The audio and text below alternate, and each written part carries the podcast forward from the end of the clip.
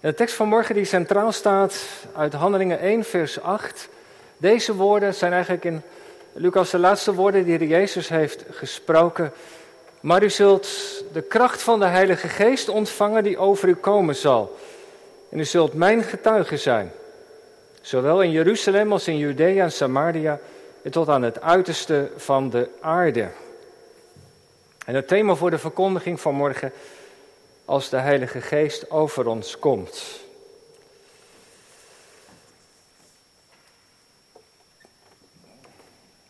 Gemeente, hij was nog maar 17 jaar toen hij als vluchteling in Nederland kwam. Afkomstig uit Koerdistan, zijn vader was een veehandelaar. In naam moslim, maar niet echt praktiserend. Maar zijn moeder daarentegen wel. Elke morgen las ze voor uit de Koran. Hij kreeg het geloof in Allah jongst af aan mee. Maar als hij 15 jaar oud is, belandt hij in een crisis. Een relatie die breekt en andere lastige dingen in zijn leven. En hij begint vragen te stellen. Hele diepe vragen. Waarom ben ik hier eigenlijk op aarde? Wat is de zin van mijn leven? En wie ben ik eigenlijk? En hij krijgt op deze vragen geen antwoord. De God van zijn opvoeding is groot en, en, en verheven, mysterieus, ver weg. En hij raakt in twijfel. En het enige dat je van die God weet is dat hij een rechter is, dat hij aan het einde van, van je leven de balans opmaakt. En hopelijk heb je dan voldoende goede dingen gedaan. En dan kun je in het paradijs komen.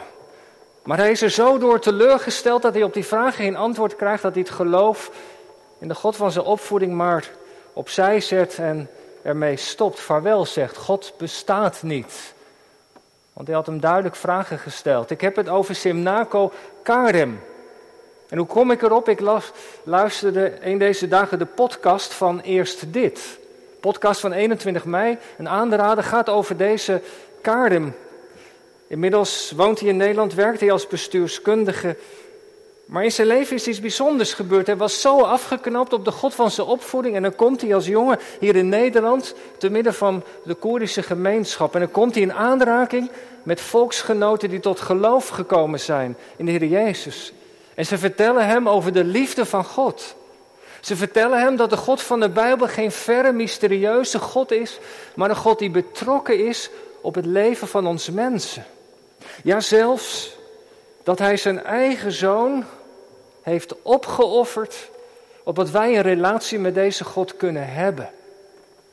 En al gaandeweg komen liefde, verzoening en vergeving naar zijn leven. Hij komt tot geloof.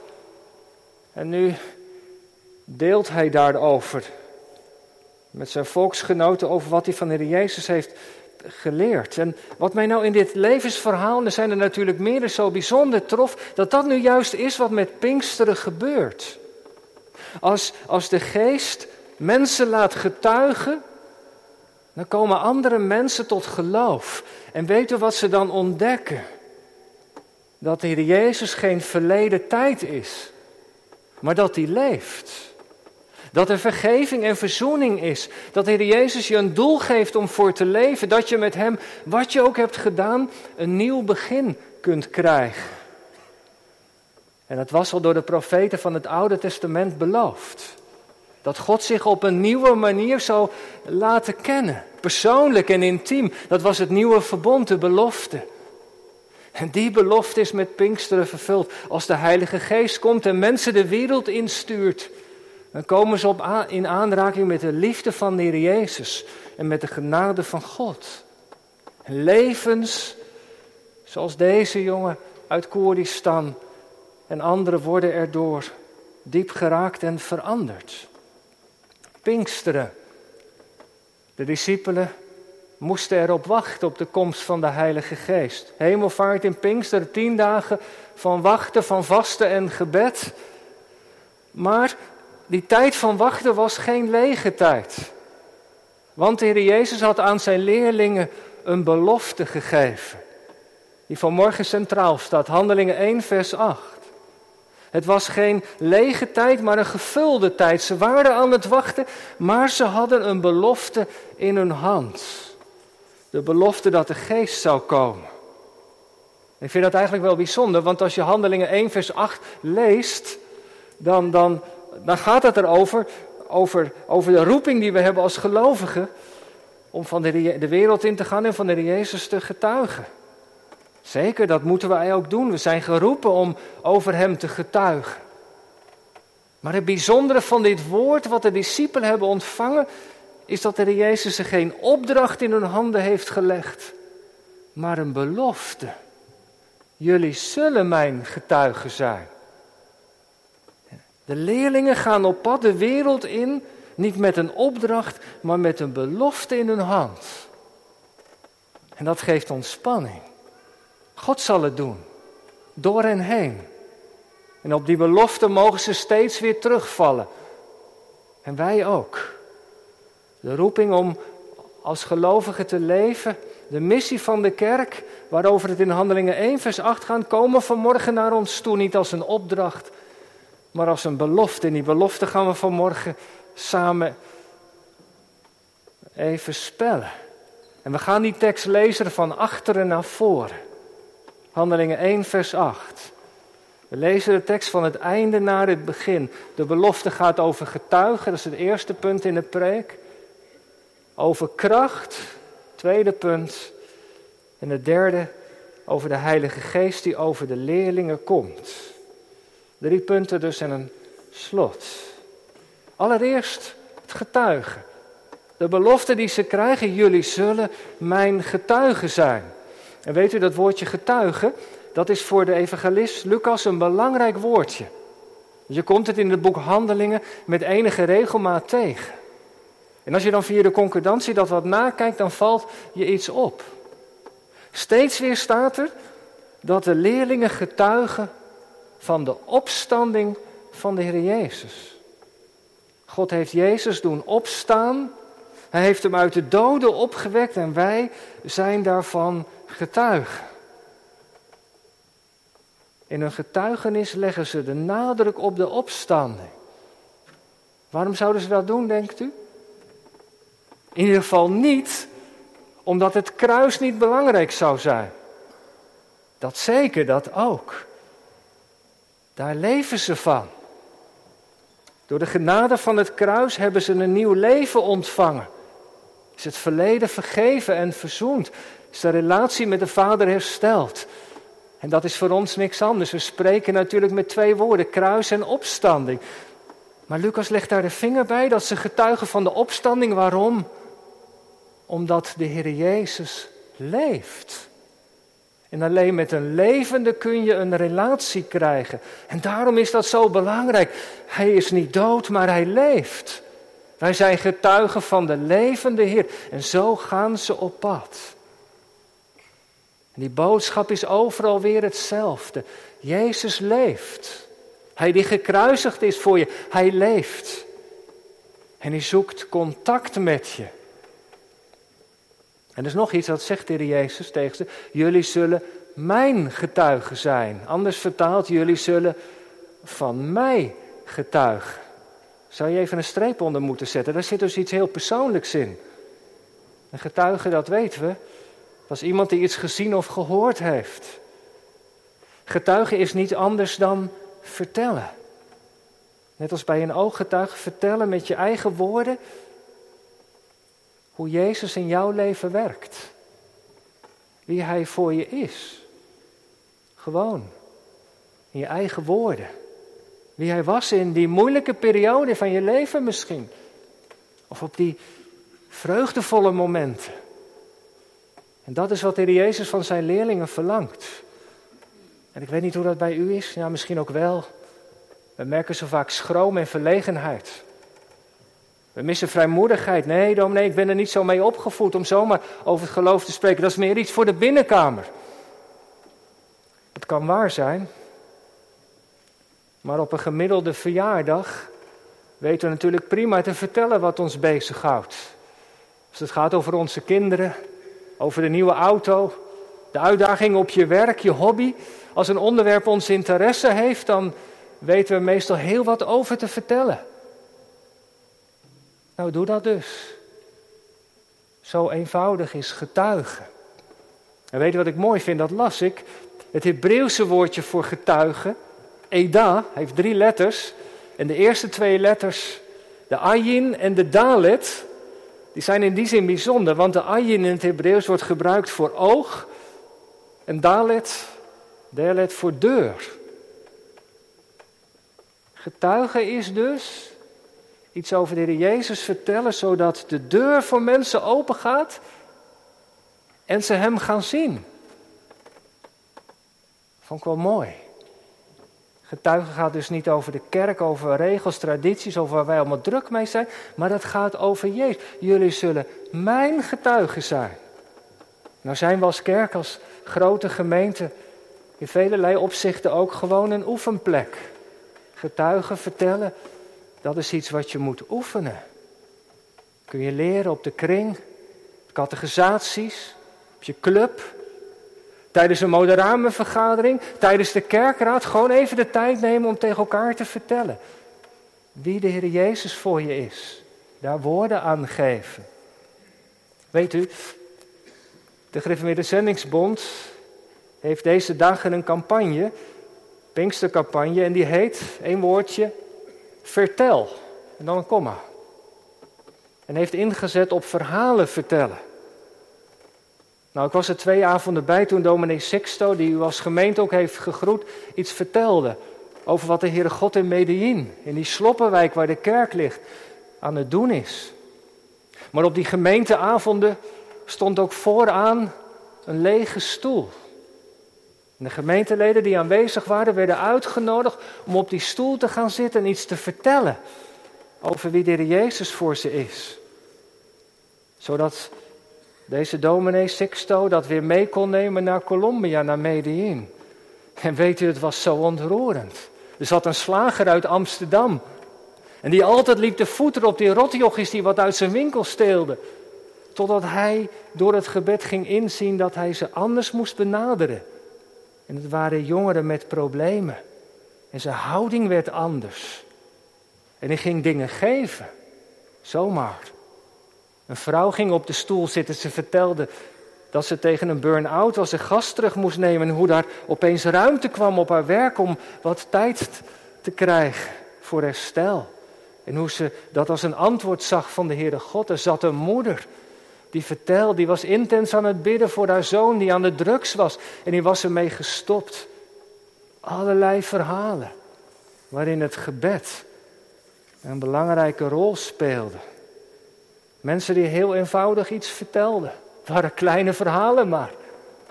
Op zijn beurt kon dominee Sixtus ze ook weer meenemen naar Colombia. En ik weet gemeente, sommige mensen houden niet van die getuigenissen. Moet dat dan? Mensen die vooraan in de kerk wat gaan vertellen, staan ze niet zelf in het middelpunt? Nou ja, dat is natuurlijk niet de bedoeling. Getuigen, dat is goed spreken van de Heer Jezus. Van wat Hij voor ons heeft gedaan. Maar weet u, niemand anders kan dat doen dan de mensen die God heeft geschapen. Want als wij niet getuigen, dan doen de muren van het kerk of de pilaren het wel. Als we niet willen, dan rest ons verootmoediging, bekering en bidden om kracht. Dat is het tweede. Dat zit ook in die belofte. Jullie zullen mijn getuigen zijn van mijn getuigen. Nou, daar heb je kracht voor nodig. Dat is het tweede. Jullie zullen ook kracht ontvangen. Weet u, het trof me. Toen ik bezig was met het boek in het spoor van de geest, viel me op in het boek Handelingen hoe vaak er tegenkrachten zijn. De apostelen, de leerlingen vertellen iets over de Heer Jezus, maar er is bijna altijd ook gedoe en tegenwerking. Gaat allemaal niet van een leien dakje. Misschien herken je dat wel. Getuigen heeft soms ook met lijden te maken. Martyreo, dat Griekse woord voor getuigen, daar is ons woord martelaar van afgeleid. Dat zegt natuurlijk wel iets. Tegenkrachten zullen er altijd zijn. Extern en ook intern. Dat merk je misschien wel op je werk, hè? Dat mensen er niet op zitten te wachten. Ze zijn druk met hun leven, dagelijkse dingen, met de uitdagingen. Ze kijken rond in de wereld. Nee, religie geeft alleen maar gedoe. Religieuze leiders die oorlogen steunen, ze moeten er niks van weten. En anderen Zit op de rationele modus, intellectuele bezwaarden. Geloof, God, prima, optie voor jou. Maar ik? Nee, liever niet. Ze redden zich wel. Wat is het dan lastig hè, om ingangen te vinden? En helaas komt de kerk soms ook niet positief in het nieuws. Dat het voor mensen geen veilige plek is. Dat is zo verdrietig. Dat er gedoe is. En dat komt naar buiten. En dan gaat ons getuigenis. Daarom is het belangrijk dat we de zaken binnen goed op orde hebben. Dat we verantwoordelijkheid hebben. Weet je wat mij zo treft als je in het boek Handelingen leest? Die eerste gemeente die stond in genade bij heel het volk. De Goudse gemeente staat in genade bij heel de stad Gouda. Wat zou dat mooi zijn? Ze waren onder indruk van de onderlinge liefde en de bereidheid om te helpen. Dat is onze roeping. Maar ook dan merk je dat het niet gemakkelijk is. Laten we daar maar eerlijk over zijn. Mensen zitten niet op te wachten. We hebben andere dingen bezig. Soms merk je dat als er een crisis is, dat er dan opeens openingen komen. Gezonde mensen hebben de dokter niet nodig, zei de Heer Jezus. En soms, ja, dan kun je bidden. Het enige wat je kunt doen. Ik kan alleen nog maar bidden, dominee. Misschien is dat wel het meest krachtige wat we kunnen doen. Ik weet niet, de afgelopen tien dagen had u de gelegenheid om te bidden voor mensen die de Jezus nog niet kennen. Ik weet niet of u daar mee heeft gedaan. Maar het kun je als ouder er soms mee tobben, hè? Dat het hart van je kinderen zo gesloten is. Die collega waar je zo samen in het project werkt, wat zou je graag iets willen delen, maar te midden van je vriendengroep. Nou ja, al die situaties. Maar weet u, één ding. Maar moeten we niet vergeten dat het gebed tot God de sleutel is. Die dominee Sixto die vertelde zo indrukwekkend. Zijn kerk zat in de Sloppenwijk. En die, die mensen leefden op de straat, zaten in de prostitutie, drugsverslaafden. En hij had zo moeite om de stap naar ze te zetten. Hij voelde zoveel weerstand in zijn hart. Maar die weerstand is gebroken in de weg van het gebed. En toen kwam er een enorme liefde voor de mensen daar in de straat. En ik denk dat dat bij ons niet anders is. Ik denk dat dat bij ons niet anders is. Ons eigen hart, de schroom die er is. Hoe begin ik? Het komt er soms niet van. Maar weet u, God is ook bezig. In Jeruzalem. Daar zaten de eerste christenen. Ze hadden het goed met elkaar. Ze deelden het getuigenis. Maar het kwam niet naar buiten. Het zout bleef in het vaatje. Handelingen 8. En dan komen de vervolgingen. Dan laat God vervolging aanbreken. En dan worden ze verspreid. Samaria, Galilea en verder in het grote Romeinse Rijk. En dan ontdekken ze, ja maar wacht eens even. Als we op deze plek nu zitten, dit is onze roeping. We kunnen ook hier van de Heer Jezus getuigen, dat is blijkbaar de bedoeling. En soms, soms is een crisis nodig. Als aanleiding, als aansporing. Soms ook in een gemeente. Als er lange tijd gemeente vakant is, geen voorganger. Als het maar niet lukt om clubleiders te vinden. Als er verlegenheid is over de roeping, als een bepaald project niet lukt, als er geen overeenstemming is over de missie, dat dan zomaar het besef kan groeien. Als we er samen niet uitkomen. We moeten op de knieën. We moeten het aangezicht van God zoeken in de weg van het gebed. Komen er doorbraken. Zomaar kan alles in een stroomversnelling komen. Net als toen. En dan ontdek je dat er soms veel meer gelegenheden zijn om van de Jezus te getuigen dan we denken. Maar we waren te veel op onszelf gericht, te veel met onze eigen dingen bezig. Maar dan komt de geest en die richt onze blik op die ander, die hem nog niet kent. En de geest die leert je ontdekken dat waar je ook bent, hij woont in je. En we zijn op missie, op die verjaardag, te midden van je familieleden. Personeelsuitje. Oh, er zijn talloze gelegenheden om iets te delen. Laten we dan maar zachtjes bidden. Of de Heer openingen geeft. Bang hoeven we niet te zijn. Want we staan hier met lege handen. De Heer Jezus overhandigde ons een belofte. U zult kracht ontvangen. De Geest legt ons de woorden in de mond. Het is Pinksteren geweest. Wat verhindert ons? Hij geeft moed om over de schroom heen te stappen. En weet u, een van de lessen van het koninkrijk is toch deze: dat het water wijkt zodra we de eerste stap zetten. In gehoorzaamheid. En dan komt de geest erin mee. Want die is geschonken. Dat is het derde, laatste punt. U zult mijn getuigenis zijn. U zult kracht ontvangen wanneer, wanneer de Heilige Geest over u komt. Weet u, dat is zo'n mooie belofte. Daar, daar, loopt, daar spreekt heel het Oude Testament over. Dat, dat de Geest zou komen, dat nieuwe verbond. En de Pinksteren kon het pas worden nadat Goede Vrijdag en Pasen is geweest. Zeker. Omdat de Heer Jezus aan het kruis verzoening heeft gedaan voor onze zonden. Dat is het geheim. Dat is de bron. Omdat hij de relatie met de Vader heeft hersteld voor wie gelooft, kon het Pinksteren worden. Kon God die belofte vervullen. De Heer Jezus teruggekeerd naar de hemel en de andere helper is gekomen. En weet u, het ontroert mij elke keer weer. Als je op je laat inwerken wat daar in Jeruzalem gebeurt op de eerste Pinksterdag.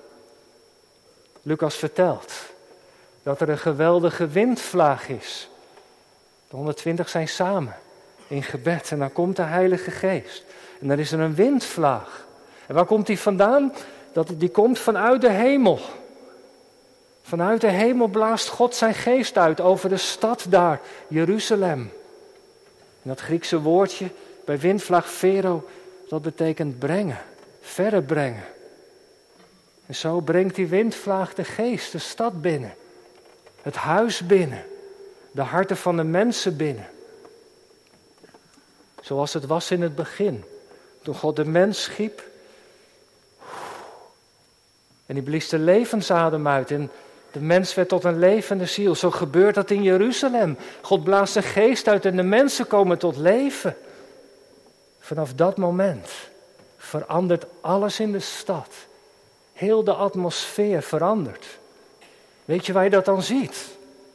De stad waar de mensen de Heer Jezus gekruisigd hadden, die beginnen opeens allemaal te roepen. Wat moeten we doen om gered te worden? De plek Jeruzalem wordt tot een poort van de hemel. Mensen komen tot geloof. Het rijk van de duisternis strekt terug. Er gebeuren tekenen en wonderen. Als God zijn heilige adem uitblaast. En dan staat Petrus. Op de eerste Pinksterdag en hij begint te spreken. Waar haalt hij de woorden vandaan, denken de mensen. Maar ze worden diep in hun hart geraakt. Er is geen, geen evangelisatiecampagne, er zijn geen posters opgehangen in de stad. Maar ze, ze leven onder een open hemel. Jeruzalem wordt gedoopt in de Heilige Geest. Wat is dat bijzonder? Ja, denkt u misschien dat was toen? Zo'n uniek moment. De geest wordt voor het eerst uitgestort daar in Jeruzalem. Dan is er de winter, zijn de tekenen van vuur, unieke gebeurtenis. Kan niet meer herhaald worden. Al dat bruisende van toen is nu een rustige rivier geworden. Nou, één ding heeft u gelijk, ja, als dat uw gedachte is. Pinkster is eenmalig. God heeft zijn geest geschonken. Maar weet u wat nou zo opvallend is? Dat het steeds weer opnieuw, om zo te zeggen, Pinksteren kan worden in het leven van de gemeente, in het leven van de gelovigen. Daar wijst Lucas op.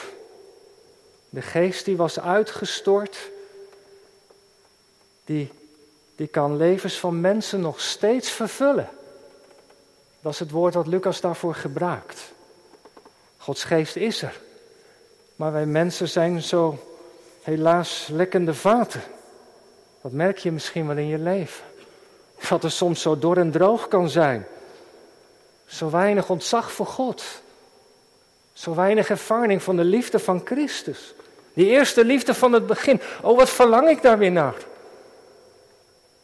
Verlang je daarnaar? Je kunt erom bidden. Want God kan het nog op steeds opnieuw laten gebeuren. Pinksteren worden in je leven. Lucas vertelt dat. En als je dan door het boek Handelingen heen wandelt, daar is Petrus, Handelingen 4. Er is een verlamde genezen en er wordt ter verantwoording geroepen. En dan gaat hij staan, vervuld van de geest. Wij kunnen niet anders spreken dan wat we gezien hebben, gehoord hebben. Wij moeten God meer gehoorzaam zijn dan de mensen, horen we hem daar zeggen. En de discipelen, hetzelfde hoofdstuk. Ze worden vervolgd. Ze komen samen om te bidden. God geeft ons vrijmoedigheid. De grond wordt bewogen. En de Heer schenkt vrijmoedigheid. Stefanus.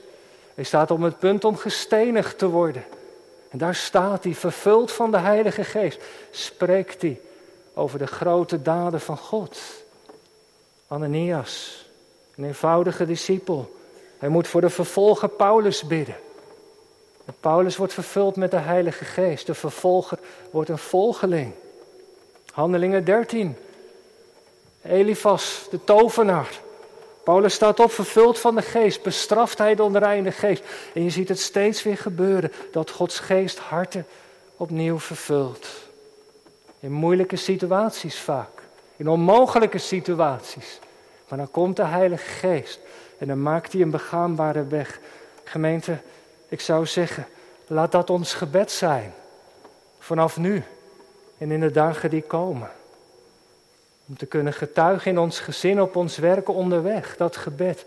Heere, vervul mij opnieuw met uw Heilige Geest zoals het was in het begin. Laat het ook nu in mijn leven gebeuren. Die deur van mijn kinderen zit zo op slot. Geef openingen in al die situaties. Opdat die deur open gaat. En zij of hij de Heer Jezus kan zien. En als de wind van de geest opnieuw gaat blazen, dan kunnen er wonderen gebeuren. Ook in deze stad. Want het is Pinkster geweest. En de Jezus heeft de belofte vervuld. Laten we die belofte van morgen met elkaar ook vastpakken. In onze handen. En meenemen in ons gebed. Halleluja. Amen.